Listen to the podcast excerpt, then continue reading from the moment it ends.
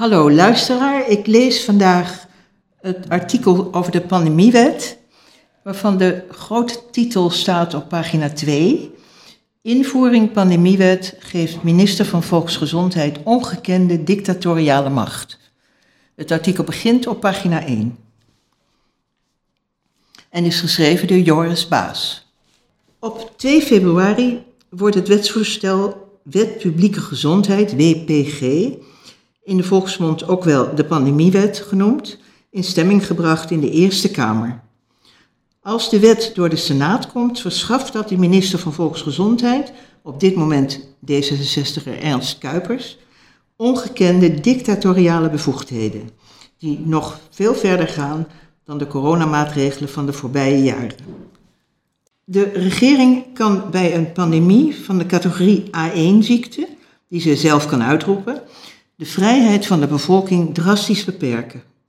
Diverse organisaties, waaronder de Biomedische Rekenkamer, Forum voor Democratie en het linkse tussen collectief De Vierde Golf, komen in het geweer tegen het voorstel en roepen de leden van de Eerste Kamer op om er zeer kritisch naar te kijken. Journalist Erik Overveen, die een kritische brief stuurde naar de Eerste Kamer, wijst erop dat de coronamaatregelen niet eens zijn geëvalueerd door de regering, maar desondanks worden uitgebreid. Dan gaat het door op pagina 2. Als de pandemiewet doorgang vindt, kan Ernst Kuipers of een toekomstige minister van Volksgezondheid, die van mening is dat er een pandemische dreiging is van een categorie A1-ziekte, via de noodbevoegdheid snel ingrijpende maatregelen treffen. Opmerkelijk, want de omstreden maatregelen van de coronacrisis, zoals lockdowns, afstand houden en het uitvoerige testbeleid, zijn nooit geëvalueerd. Deze dreigen nu wel in een wet te worden vastgelegd. Zo blijkt uit een eerste tranche van aanpassingen op de Wet Publieke Gezondheid, WPG. Op 17 januari 2023 zal de Eerste Kamer de nieuwe wet voor het eerst bespreken.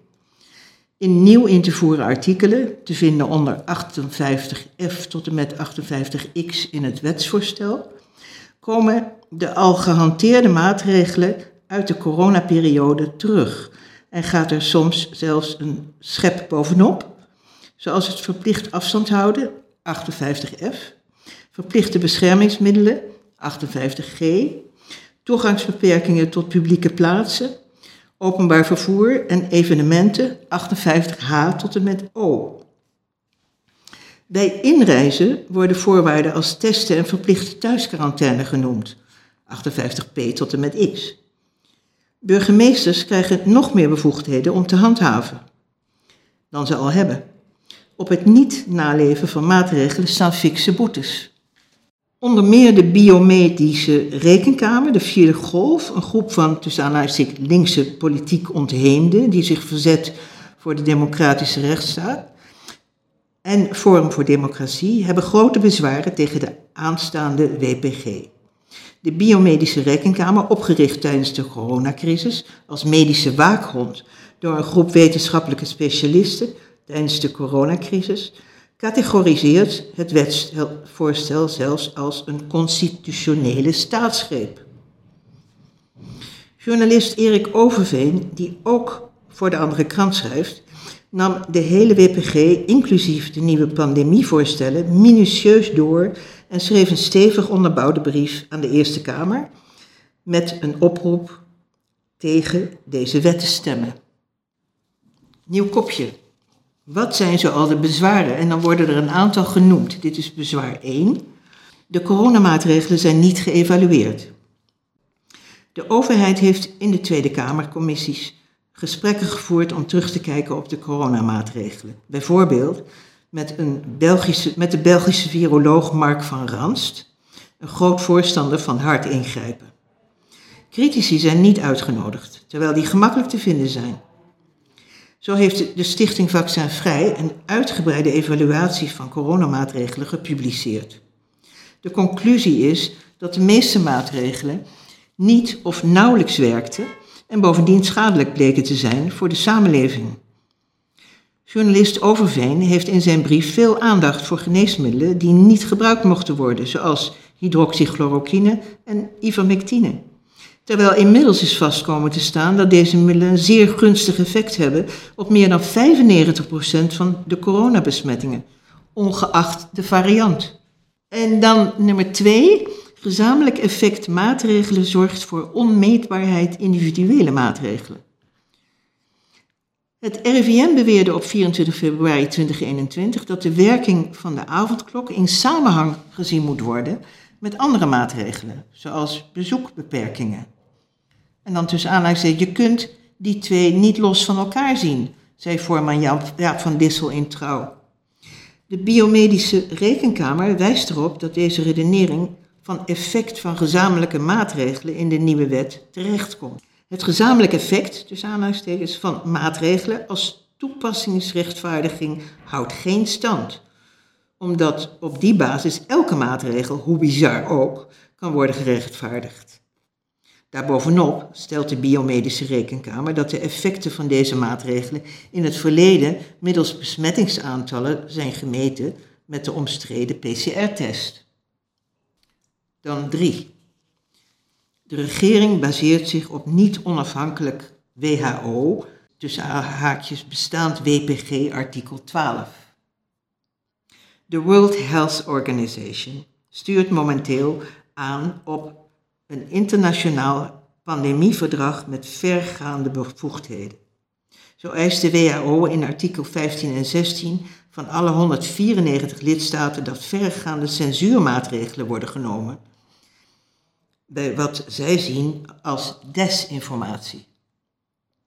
De WHO is geen democratisch instituut en wordt voor het overgrote deel gefinancierd door belanghebbende partijen, waaronder vaccinfabrikanten en farmaceutische concerns.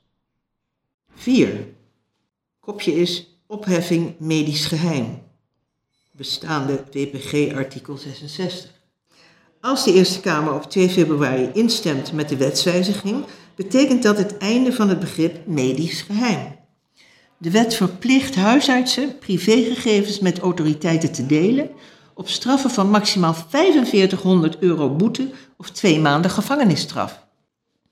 Overveen zegt: De arts overlegt uw burgerservice-nummer bij een verdenking van een mogelijke ziekte. Dat geldt ook voor uw naam, geboortedatum, adres, uw vaccinatiestatus, de vermoedelijke infectiebron, de datum van vermoeden en uw beroep als dat te maken heeft met eten, drinken, verpleging of verzorging van andere personen. 5. Gaat over verplichte quarantaine, wetsvoorstel 58R, bij inreizen bestaande WPG artikel 1. Bij inreizen in Nederland kan thuisquarantaine geëist worden. 58R.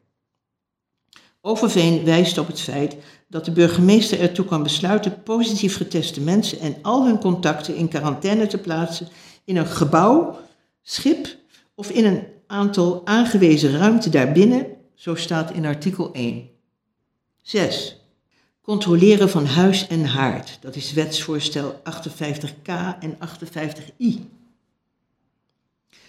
De minister heeft bij verdenking van de aanwezigheid van ziekteverwekker in een insect, ander dier of zelfs een plant de bevoegdheid om verregaande maatregelen te nemen, zoals het controleren van terreinen, gebouwen, vervoermiddelen of goederen, eventueel door het nemen van monsters.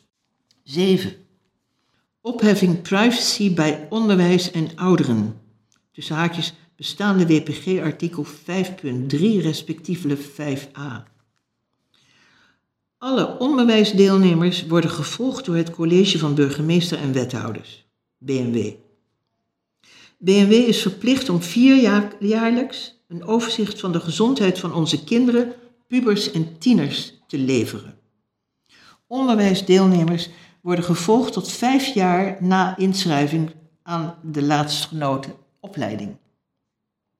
Dit artikel impliceert dat ouders geen keuze hebben als het gaat om het delen van de gezondheidsstatus van hun kinderen. Ook de ouderengezondheidszorg wordt verplicht ouderen op systematische wijze te volgen. 8. Vaccinatie is opnieuw de enige oplossing, bestaande WPG 6b. De coronavaccins hebben op hun best, maar voor een zeer beperkte doelgroep, heel kortstondig gewerkt. Tegen besmetting hebben ze niet gewerkt. De aanwijzingen voor ernstige tot dodelijke bijwerkingen stapelden zich ondertussen op. De voortdurende boosters schaden de gezondheid. Overveen merkt in zijn brief op, in paragraaf 4, dat infectiebestrijding, artikel 6b lid 1, wordt vermeld dat een vaccinatieprogramma wordt vastgesteld. De minister draagt via het RIVM zorg voor de, voor de regie en de coördinatie van de uitvoering, als mede de registratie, bewaking en evaluatie van het vaccinatieprogramma. Aanhalingstekens sluiten. Dan 9. Noodbevoegdheid, wetsvoorstel 58d. In de wet is een zwaar bediscussieerde noodbevoegdheid 58d ingebouwd. Minister Kuipers verdedigt deze maatregel in een Kamerbrief van 16 december 2022 door te stellen dat je nooit kan weten waartoe een nieuwe A1-infectieziekte noopt. Aanhalingstekens openen. Als deze wet in werking treedt, dan heeft vanaf dat moment de minister de bevoegdheid om zonder instemming van het parlement een totale lockdown af te kondigen, wanneer dat naar het oordeel van de minister noodzakelijk is. Aanhalingstekens sluiten. Al dus Forum voor Democratie, Kamerlid Gideon van Meijeren. 10. Geen oog voor maatschappelijke schade. Wetsvoorstel 58b. De vierde golf wijst op het beperkte toelatingskader van de wet 58b. Het is te eenzijdig gericht op de, het beoogde doel. De maatschappelijke gevolgen en schade van maatregelen zouden onderdeel moeten zijn van het toetsingskader. Dat zijn de tien punten. Hoe nu verder? De Raad van State heeft al in een vroeg stadium onder voorwaarden positief advies gegeven over de wetswijzigingen. Vicepresident Tom de Graaf, D66, heeft als voormalig lid van de Eerste Kamer goede contacten bij de beslissers rond deze wet. De verwachting is dat de Eerste Kamer op 17 januari 2023 een eerste bespreking voert over het wetsvoorstel en op 2 februari 2023 het wetsvoorstel in stemming zal brengen. De vierde golf, de Biomedische Rekenkamer en Forum voor Democratie roepen wetsmakers op heel kritisch te zijn. Daaronder staat nog, op de website van de andere krant is de brief van Erik Overveen integraal te lezen en dan staat de link erbij. Dat was het artikel. De krant ligt vanaf dinsdag in de winkels. Je kunt je erop abonneren, dan krijg je hem op zaterdag in de bus. En daar steun je natuurlijk de krant mee. Bedankt voor het luisteren.